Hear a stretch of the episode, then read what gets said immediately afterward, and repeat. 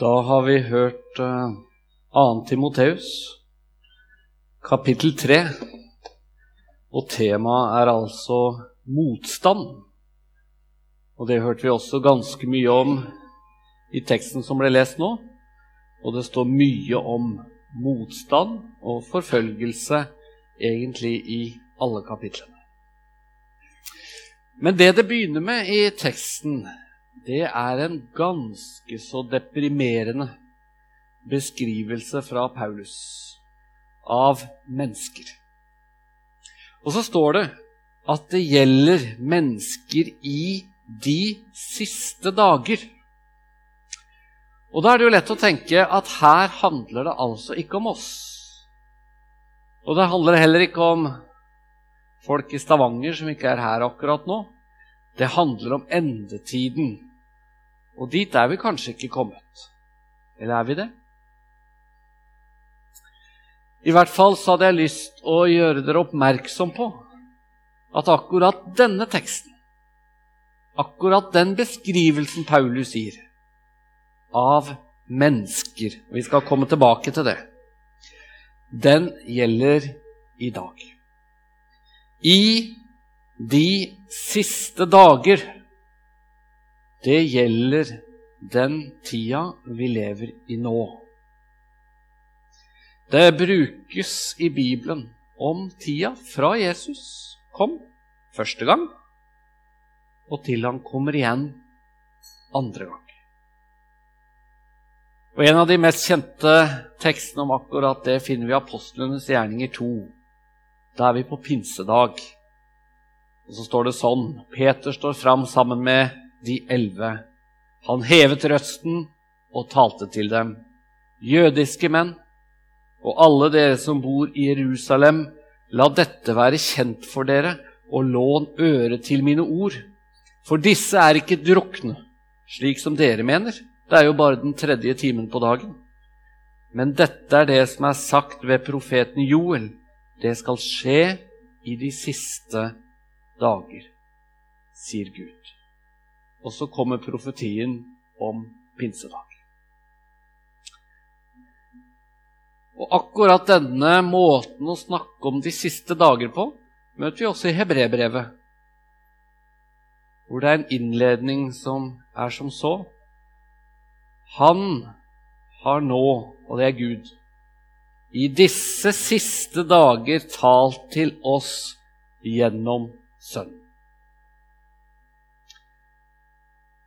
Så når Paulus snakker her om de siste dager, så tenker han på den tida vi lever i, og den tida han levde i. Tida etter Jesus, tida mens vi venter på at Jesus kommer igjen. Det betyr selvfølgelig ikke at eh, vi snart eller en eller annen gang kommer til de aller siste dagene det vi gjerne snakker om som endetiden. Og det også hører vi faktisk bitte litt om i denne teksten. At Paulus er klar over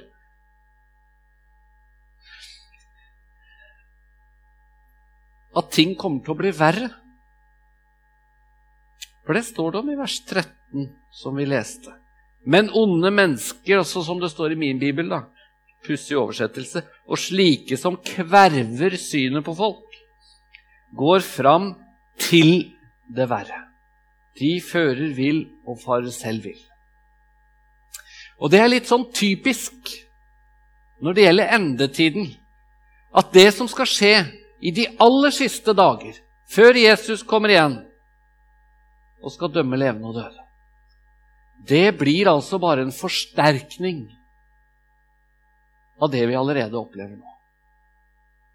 Og Det kan være litt viktig å huske på, fordi vi vet det, at veldig mange kristne har egentlig til alle tider tenkt at snart kommer han igjen.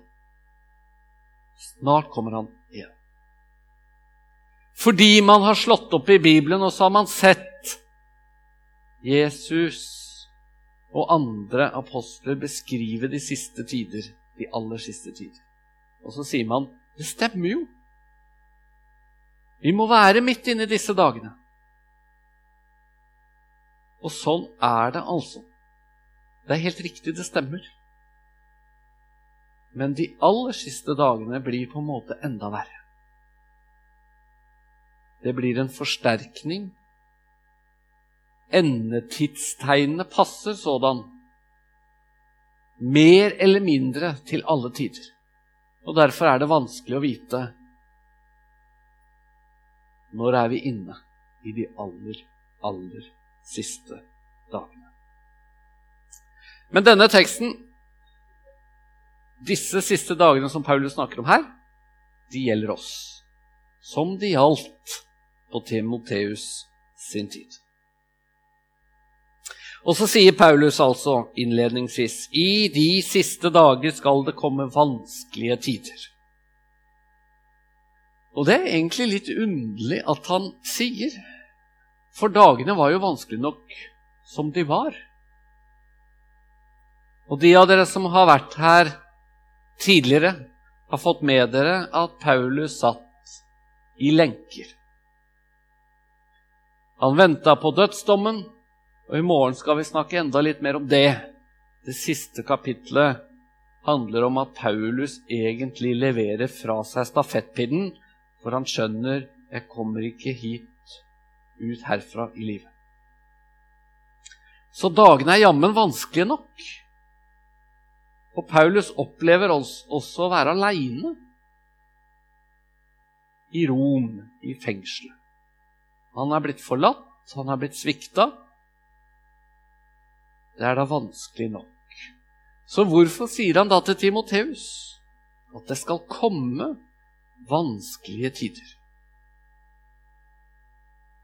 Og det må jo være for å forberede Timoteus på at uh, vi er ikke inne i en sånn liten unntakstilstand, og så kommer alt til å bli bedre igjen. Timoteus får altså beskjed om at det er vanskelig å være kristen, og det kommer til å være det. Hans store forbilde, hans store veileder Paulus, skal snart gå bort, skal snart dø, bli drept. Og Paulus og Timoteus må ikke tro at snart er det over med de vanskelige dagene. Det blir ikke bedre. Han må være forberedt på motstand. Og så ser vi altså at motstanden, problemene, vanskelighetene, de handler om mennesker. Jeg tenkte vi skulle ta oss tid til å gå igjennom raskt en gang til den beskrivelsen Paulus altså gir av mennesker i de siste tider. Menneskene skal da være og nå kommer det altså 19 uttrykk. Du kan spisse ørene, se hvor mange du husker etterpå. Menneskene skal da være egenkjærlige, pengekjære, skrytende,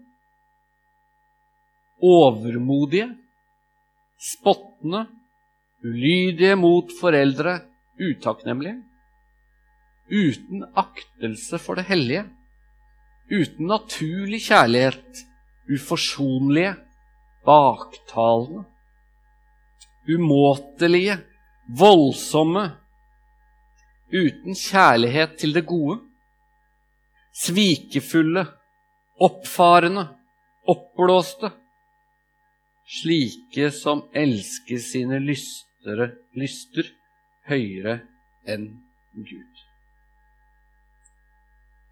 Sånn skal det være i de siste dager. Sånn er mennesker, sier egentlig Paulus. I hvert fall mennesker som ikke hører Jesus til.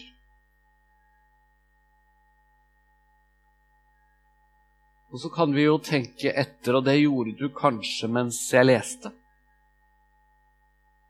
Stemmer beskrivelsen på deg? Stemmer beskrivelsen på noen av de menneskene du har møtt, og de du kjenner? Det som i hvert fall er interessant, syns jeg, det er å legge merke til at disse ordene gir veldig god mening 2000 år etter at de ble skrevet. Å sammenligne livet i Norge i dag med livet i Efesus, der Timoteus levde for 2000 år siden, det er vel egentlig ganske umulig. Utrolig stor forskjell må vi regne med mellom livet i Stavanger og livet i Efesus når vi appåtil setter inn 2000 år imellom. Og likevel så sier Paulus noe om mennesker, om menneskenaturen, i dag, og hvordan den var sist. Jeg vet i hvert fall om mennesker som er egenkjærlige, pengekjære, spottende, utakknemlige, uforsonlige, baktalende, umåtelige, oppblåste og oppfarende. Da tenker jeg av og til på kona mi, men det får så være. Hun er i hvert fall litt mer hissig enn meg, ellers er det en del av dette som dessverre også kan stemme litt på meg. Og Det betyr at uansett hvor gammel Bibelen er, så treffer dem vår virkelighet og vår situasjon. Jeg hadde bare lyst til å minne om det, for det er så veldig mange som sier hele tiden at Bibelen det er en gammel bok. Den kan ikke treffe i dag. Jo, den gjør det. Og den forteller oss en sannhet som gjelder til alle tider, ut ifra disse versa, at der det er mennesker, er det problemer. Fordi vi har alle disse utfordringene, alle disse 19 konkrete svakheten og syndene. Og hovedsaken for Paulus det er at noe er galt med kjærligheten. Det er det han begynner med. Mennesker er egenkjærlige. Og det er det han slutter med. Mennesker elsker sine lyster høyere enn Gud. Dermed rammer han inn hovedproblemet til mennesker i Efesus for 2000 år siden, mennesker i dag i Stavanger. Egenkjærlighet elsker våre lyster høyere enn Gud. Og så Hvis vi da ser litt på hele kapitlet, så ser vi at eh, Paulus lager en voldsom kontrast til Timoteus. Men du sier han i vers 10. Og Der bryter Paulus helt om. Men du, du Timoteus, du er annerledes. Og så kommer det Du har etterfulgt meg i lære, i livsførsel, i forsett, i tro, i tålmodighet, i kjærlighet Der kom den. I utholdenhet, i forfølgelser, i lidelser, slike som møtte meg i Antiokia, Ikonium og Lystra ja, alle slags forfølgelser som jeg har gjennomgått. Du, Timoteus, du har etterfulgt meg i kjærlighet, i tro, i tålmodighet. Og sånn sett så blir jo dette egentlig en drømmetekst for dem som mener at kristne tror de er mye bedre enn andre. For er det ikke det Paulus faktisk sier? Først beskriver han med 19 negative uttrykk menneskenaturen. Og så sier han, 'Men du, Timoteus, du er annerledes'. Og Sånn sett så blir jo dette en utrolig alvorlig tekst. For gjelder det oss? Hadde Paulus skrevet det samme til deg. Hvis han kjente deg like godt som han kjente Timoteus. Timoteus kjente han godt. Men du Harald eller Unni eller Fredrik eller hva du nå heter. Men du, du er annerledes, du. Du har etterfulgt meg i tro, tålmodighet, utholdenhet. Vil han sagt det til meg? Mennesker er sånn og sånn og sånn, 19 uttrykk, egenkjærlig og alt dette. Men du, Espen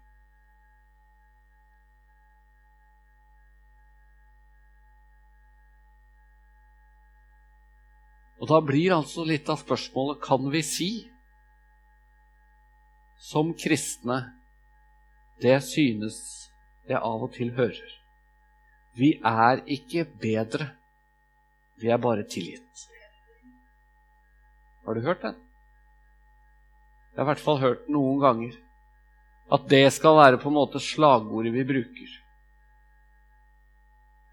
Vi er ikke bedre, vi er bare tilgitt. Kan det være sånn? Nei, det kan jo ikke det. Ikke ut ifra denne teksten. Du kan ikke gå hjem og lese denne teksten, og så sier du ja, det er jammen godt å se at eh, det Paulus vil si til oss, det er at vi er ikke bedre enn andre. Vi er bare tilgitt. Og Paulus lager en kontrast mellom Timoteus og de som følger etter Jesus, og andre mennesker. Så hva gjør vi med det? Ehm, for deg som synes at dette egentlig er greit, for du føler at du ligner ganske mye på Timoteus, så kan du ta sånn ti minutters eh, avslapning. Kan rusle ut på toalettet en tur hvis du vil det, eh, eller noe annet. Men for deg som synes at akkurat det der høres litt vanskelig ut, for du føler faktisk av og til at du ikke er så mye bedre, men du er heldigvis tilgitt. Hva gjør du? Og ut ifra det som ellers står i brevet til Timoteus, så har jeg lyst til å si følgende. For det første Paulus mener ikke at Timoteus er perfekt. Timoteus får altså ros for sin tro og for sin kjærlighet og for sin utholdenhet. Men han får faktisk litt kjeft også, i både første Timoteus brev og andre Timoteus brev. Og Timoteus får klar beskjed om at han må gjøre sånn, og han må gjøre sånn, og han må gjøre sånn. Og det er jo fordi han faktisk trenger veiledning. Han trenger oppmuntringer. Han trenger råd fra Paulus. Og sånn er det med oss også. Å være en kristen er ikke å være perfekt. Det veit Paulus. Det veit Timoteus.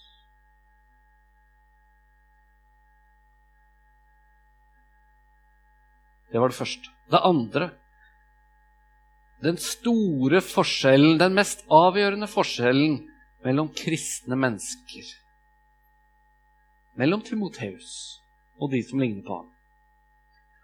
Og disse ugudelige menneskene som Paulus skriver om fra vers 2 til 4, som vi har lest, det er at kristne mennesker, de bekjenner sine synder. De nøyer seg faktisk ikke med det. De forsøker også å bekjempe sine synder.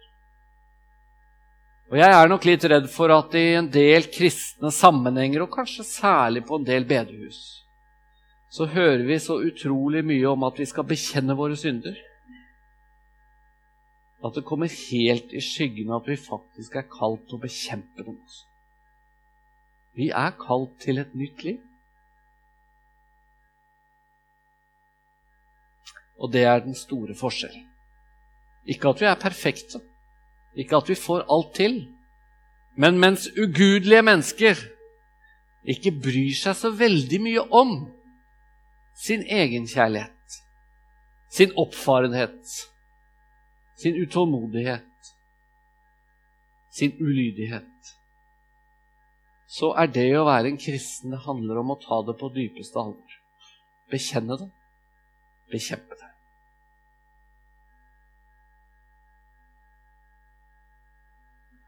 Og hvis du nøyer deg med å si Vi er jo alle syndere. Som om det ikke gjør noen ting, hvis det ikke gjør noe for deg, at du ligner på de menneskene Paulus beskriver her aller først. Ja, Da vil jeg si det så sterkt at da må du omvende deg. Gjerne i kveld.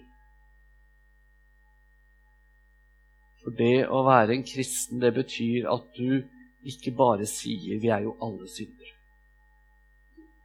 men at du bekjenner dine synder for Gud. Tar det alvorlig fordi Gud vil du skal leve et nytt liv.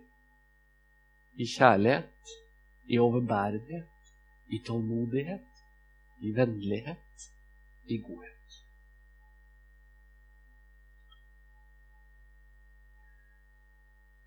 Og det tredje som henger sammen med dette, er at hvis da en kristen lever som et ugudelig menneske, så er det altså noe galt.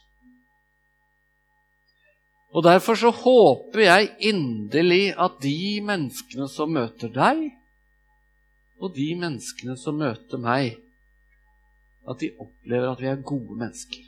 Ikke perfekte, men gode mennesker og annerledes mennesker. Det betyr ikke at vi skal gå rundt og si på spørsmålet er dere bedre enn andre. Ja da, vi er nok det.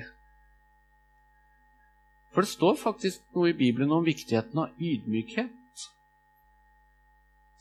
Og så er problemet det at hvis vi blir veldig opptatt av at vi nok er litt bedre, i hvert fall enn naboen, så får vi altså ikke behovet for nåde lenger. Og Det betyr altså at jeg håper at naboen din merker at du er et godt menneske. Men jeg syns ikke det er så veldig viktig at du merker det sjøl. Det jeg håper du merker, det er at du trenger Jesus hver dag.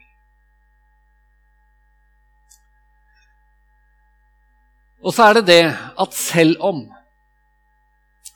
jeg tror og håper at kristne stort sett er bedre enn andre mennesker fordi vi har Jesus og hans kjærlighet i hjertet, så må vi likevel være forberedt på baktalelse, og til og med urettferdig baktalelse. Jeg hadde lyst til å bare ta fram én tekst om akkurat det fra første Peters brev. For den sier på en veldig spesiell måte, syns jeg, hva vi må være forberedt på. Da er vi i kapittel 4 i første Peters brev. Peter skriver til mennesker som har vært hedninger, som har levd ugudelig, og som er blitt kristne.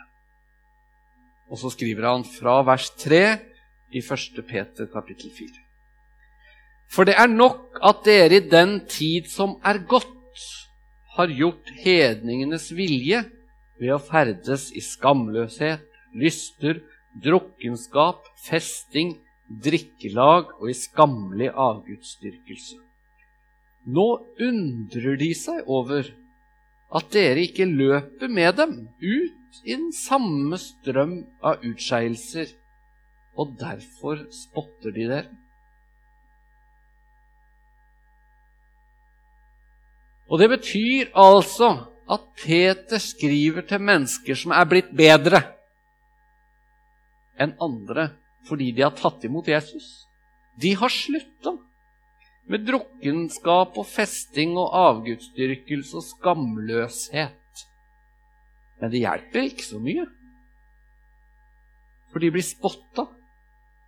Det provoserer, det skaper motstand at disse menneskene har lagt til side den måten å leve på. Og det er faktisk en grunn til at kristne skal være veldig forsiktige med å signalisere til verden at ja, vi er nok et lite hakk bedre. Fordi vi må være forberedt på at en del av de vi møter, faktisk er provosert, irritert og synes vi er skinnhellige. Og det er én type motstand vi må være forberedt. Og det blir litt som med mobbing ellers. Hvorfor er det enkelte barn som blir mobba? Det er ett svar på det. Fordi de skiller seg ut. Ikke fordi de er mindre intelligente enn andre barn. Nødvendigvis. Det Kan jo skje, det òg. Ikke fordi de nødvendigvis gjør så mye dumt, men fordi de skiller seg ut.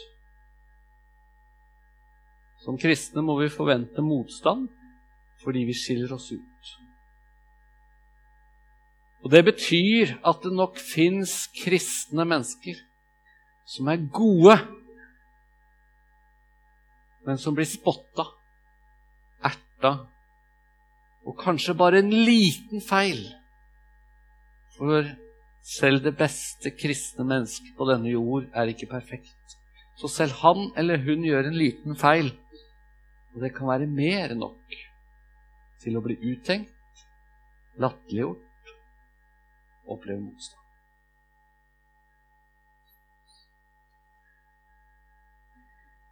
Paulus avslutter med å si, når han snakker om de ugudelige menneskene de har skinn av gudsfrykt, men fornekter dens kraft. Det er et ord til ettertanke. For det betyr at når Paulus altså bruker 19 uttrykk for å skildre ugudelige mennesker, så er han klar over at mange av dem, kanskje alle, også er religiøse mennesker. De har et skinn av Guds frykt. Og Derfor så er jeg av og til redd for at han kan snakke om meg. Og jeg spør meg om han kan snakke om deg. For du kan komme på Salem. Du kan gå på møte. Du kan ha et skinn av gudsfrykt. Men så er spørsmålet Fornekter du Guds kraft? Og det er et veldig viktig hovedpoeng i Bibelen at det er en forskjell på det å høre Jesus til og det å være religiøs.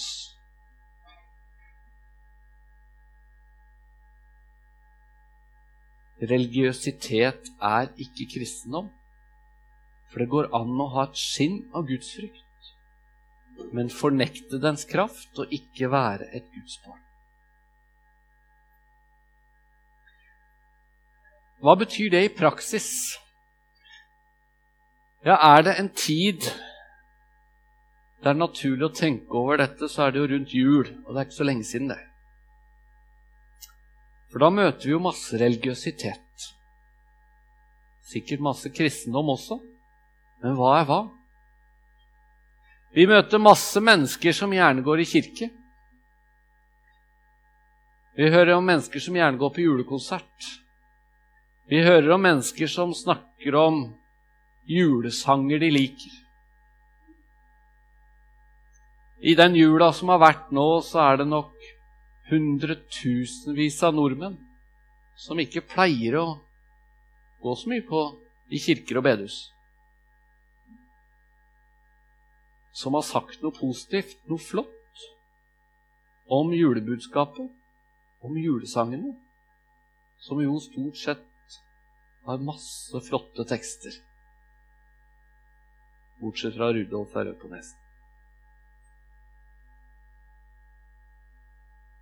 Og så er litt av spørsmålet, da. Skal vi glede oss over dette? Skal vi glede oss over at kirkene er fulle når det er julekonserter? Skal vi glede oss over at folk reiser seg og synger 'Deilig er jorden'? Eller skal vi tenke at dette er tross alt mennesker som fornekter Guds kraft? Så hva hjelper det? Og jeg må innrømme jeg har ikke noe fasit. Jeg syns dette er veldig vanskelig. Men jeg tenker at vi må i hvert fall prøve å ha et par tanker i hodet på en gang. For det første, vi skal glede oss over at Kristus blir forkynt. Og Det er en litt rar tekst om dette i Filippe-brevet. Eller i hvert fall nesten om dette i Filippe-brevet, hvor Paulus skriver i kapittel 1 og fra vers 17 til 18. Der skriver han om andre mennesker, andre apostler eller forkynnere. Filippe-brevet 1, 17-18 for de som har Bibelen med. De andre, skriver Paulus, forkynner Kristus av ærgjerrighet, ikke med et rent sinn, men med den tanke å føye trengsel til mine lenker. Hva så? Kristus blir i hvert fall forkynt enten det nå skjer med baktanker eller i sannhet. Over dette gleder jeg meg. Det er en ganske stor raushet hos Paulus vi møter i den teksten. Han tror altså at noen forkynner Kristus for å skape litt problemer for ham, der han sitter i et annet fangenskap enn det han sitter i i 2. Timoteus brev. Men han sier Kristus blir i hvert fall forkynt, og så gleder jeg meg over det. Og så tenker jeg at sånn vil jeg også glede meg over at mennesker synger kristne julesanger, går på julekonserter, hører det kristne budskapet. La oss glede oss. Det er den ene tanken vi må ha i huet. Den andre er at vi må huske at en kristen bekjennelse alltid er en bekjennelse av Kristus som Herre. Og dermed så er en kristen bekjennelse alltid mer enn bare ord. Det går ikke an å bekjenne troen på Jesus bare med munnen. Vi må også bekjenne den med våre liv. Og Det betyr jo at uansett hvor mye mennesker sier at det er godt å tro på Gud Hvis de ikke bekjenner troen på Jesus Kristus som sin frelser, så er det ikke kristen tro de bekjenner. Og Jeg tenker at når jeg leser i Vårt Land Det er vel hver lørdag min tro-intervjuene der så synes jeg ofte jeg leser mennesker som bekjenner tro på Gud, men som fornekter tro på Jesus. Og Hvis de går i kirke, så tenker jeg flott. Kanskje vil de en dag møte en forkynnelse om Kristus som fører til at de en dag vil bekjenne kristen tro. Men det er altså en forskjell på religiøsitet og kristendom. Kristendom handler om Jesus som frelser. Og så er det jo også sånn at hvis du bekjenner troen med dine lepper, men i praksis viser, som det står i teksten vår i dag, at du elsker dine lyster høyere enn Gud, så fornekter du altså troen med livet ditt. Og det kristne har snakka om til alle tider for å forklare dette, det handler om å leve i synd. Eller forsvare sin synd. Det betyr altså at man kan bekjenne troen på Jesus med munnen sin, men livet er et eneste stort opprør mot Jesus. Og dette kunne vi snakka mye om. Jeg skal prøve å være kort. For er det noe som eh, Som mange er opptatt av å snakke mye om, så er det dette går det an å snakke om å leve i synd. Forskjellen mellom leve i synd, falle i synd. Blir det bare teori? Blir det bare et skjema? Og så blir det jo sånn at veldig ofte så blir eksemplene sex eksemplene blir det sjette bud. For det, det er liksom så oversiktlig, det. Å si at hvis du er samboer, så sier du jo med ditt liv at det ikke by, betyr så mye å leve etter det sjette bud. Og da lever du vel i synd. Eller homofili. Eller homofilt samliv. Hvis du lever i et forhold til en annen mann, og du er mann Eller ja, dere skjønner. Så sier du jo med ditt liv at det Bibelen sier om homofilt samliv, det bryr du deg ikke om. Det må jo være å leve i synd. Og ja, jeg tror det er det. Det er noe der som ikke kom forbi. Men jeg må bare si at jeg syns det er så vanskelig at man alltid skal bruke de eksemplene. For du kan altså leve i synd masse, masse forskjellige måter. Hvis du forsvarer det gale du gjør. Hvis du ikke vil kjempe imot det. Hvis du mener at det er ikke så farlig med fiendskap med misunnelse, ja, da må du rydde opp i det, slik at du kan bekjenne troen på Jesus med både munn og med liv. Og den mest aktuelle synden, antagelig, hvis vi skal holde oss til teksten i dag De 19 uttrykkene, det var vel uttrykk nummer to? Pengekjærlighet skriver Paulus. Vårt, siste, de siste dagers mennesker er egenkjærlige, og så kommer det pengekjærlighet.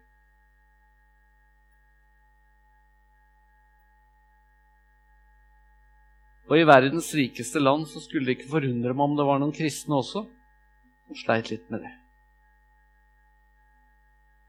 Det står masse i Bibelen, masse advarsler mot at pengene blir vår Gud. Jesus sier du kan ikke tjene både Gud og mammon. Og Det betyr altså at tjener du mammon, har du mammon, penger, på førsteplass i livet ditt, ja, så bekjenner du ikke troen på Jesus med både munn og liv.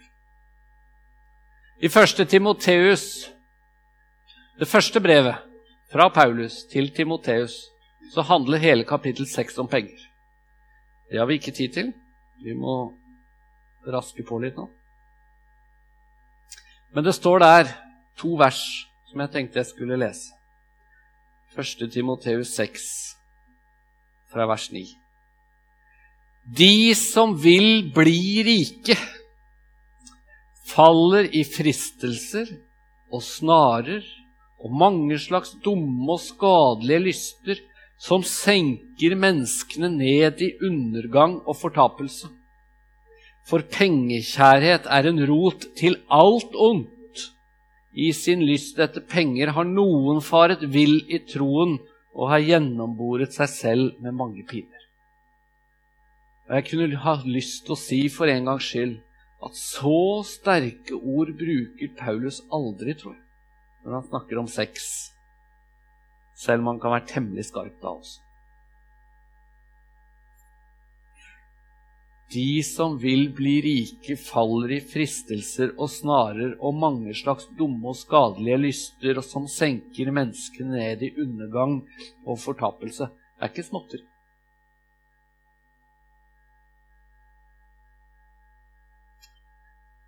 Jeg hørte en gammel fortelling for noen eh, dager siden. Ja, litt lenger siden. To menn, to kristne menn, som gikk en tur. Og så så de et fantastisk flott hus. Og så sa den ene til den andre, 'Du veit jo hvor mye han ga for det huset?' Og så svarte den andre, 'Han ga sin sjel'. Det er faktisk slik virkeligheten kan være. Gjør du mammon til Gud, så kan du si farvel med livet ditt til Jesus.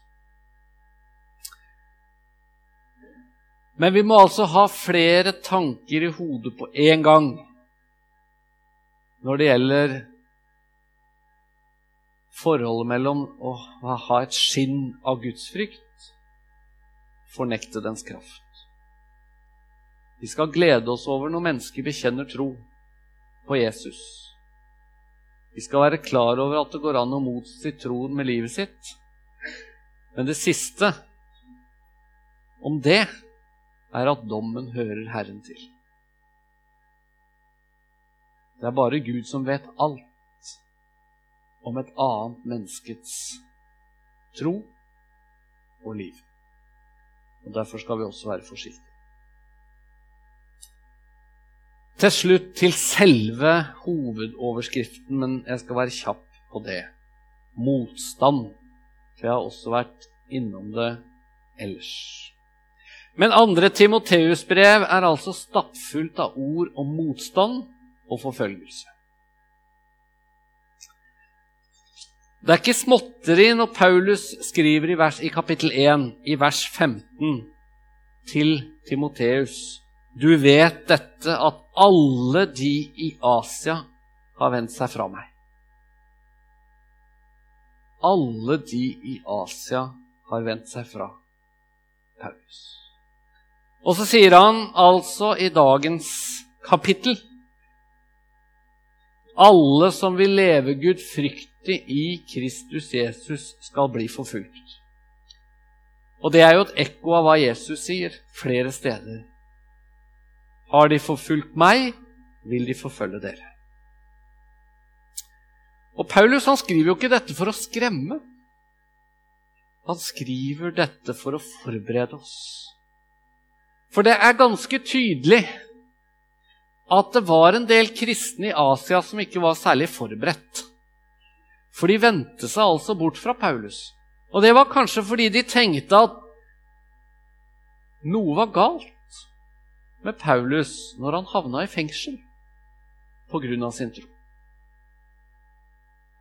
Noe må være galt med Paulus.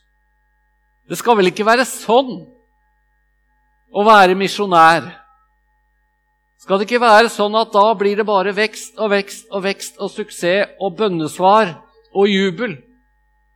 Og så blir han kasta i fengsel. Og så vil han antagelig få dødsstraff. Kan det stemme? Og så vil Paulus med brevet til Timoteus si det stemmer veldig bra. Jesus har sagt det. Har de forfulgt meg, vil de forfølge dere. Og jeg sier det nå med rene ord.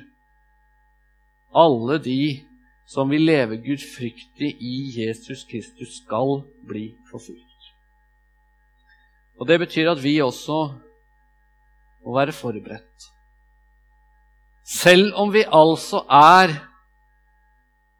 på lag med den sterkeste. Selv om Jesus har lovt å være med oss alle dager inntil verdens ende. Selv om vi har den allmektige Gud til far, så må vi altså være forberedt på motstand og forfølgelse.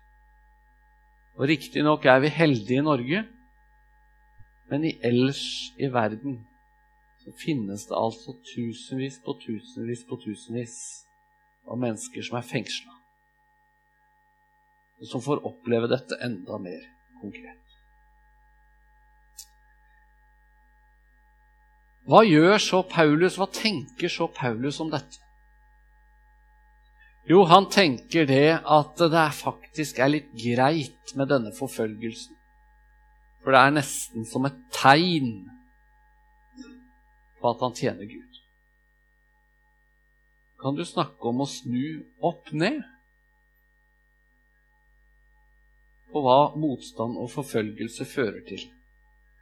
Han skriver altså, som vi leste i stad, fra vers 10.: Du har etterfulgt meg, Timoteus, i lære, livsførsel, i tro, i tålmodighet, i kjærlighet, i utholdenhet, i forfølgelser, i lidelser, slike som møtte meg i Antiokia, Ikonium og Lystra.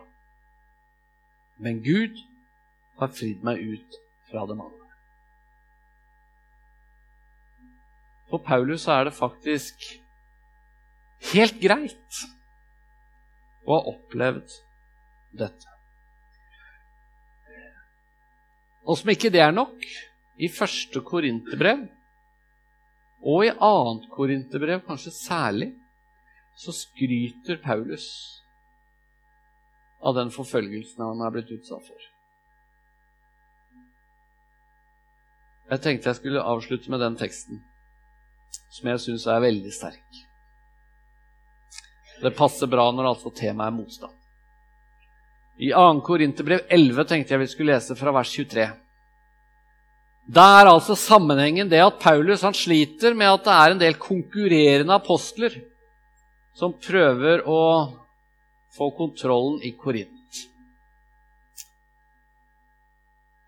De mener tydeligvis at Paulus det er en pusling. Og så prøver de å overbevise om at det er de som har Gud på sin side. Og når Paulus skal svare, så sier han dette. 2. Korinterbrev 11, 23 og videre. Er de Kristi tjenere? Jeg taler i vanvidd, jeg er det enda mer. Jeg har arbeidet mer. Jeg har fått flere slag. Jeg har oftere vært i fengsel. Jeg har ofte vært i dødsfare. Av jødene har jeg fem ganger fått 40 slag på ett nær. Tre ganger er jeg blitt hudstrøket, én gang steinet.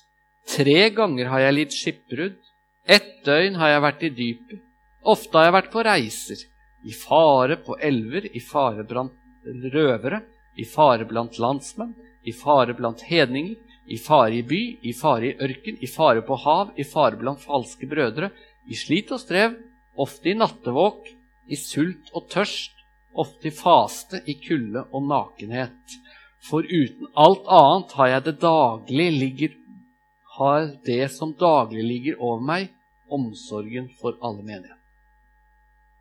Og Jeg har av og til tenkt at Paulus var jo den første misjonær hva hadde skjedd hvis vi hadde klint til med dette bibelverset når vi søkte etter misjonærer i Misjonssambandet?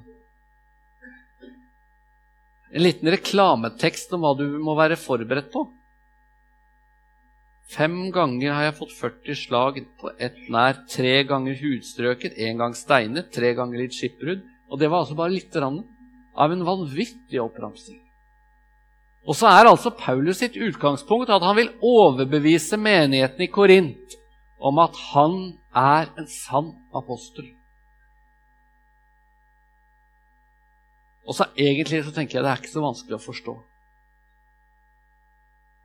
For det Paulus altså vil si, det er at å være en sann apostel, å være en sann kristen, innebærer motstand og forfølgelse.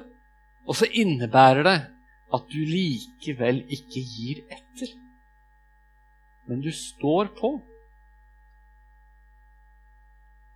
for sannheten. Og så er det jo det han sier rett etter til Timoteus, rett etter alt om lidelse og forfølgelse. Bli i det du har lært. Det er oppfordringen til Timoteus. Du må nok være forberedt, du også men bli i det du har lært.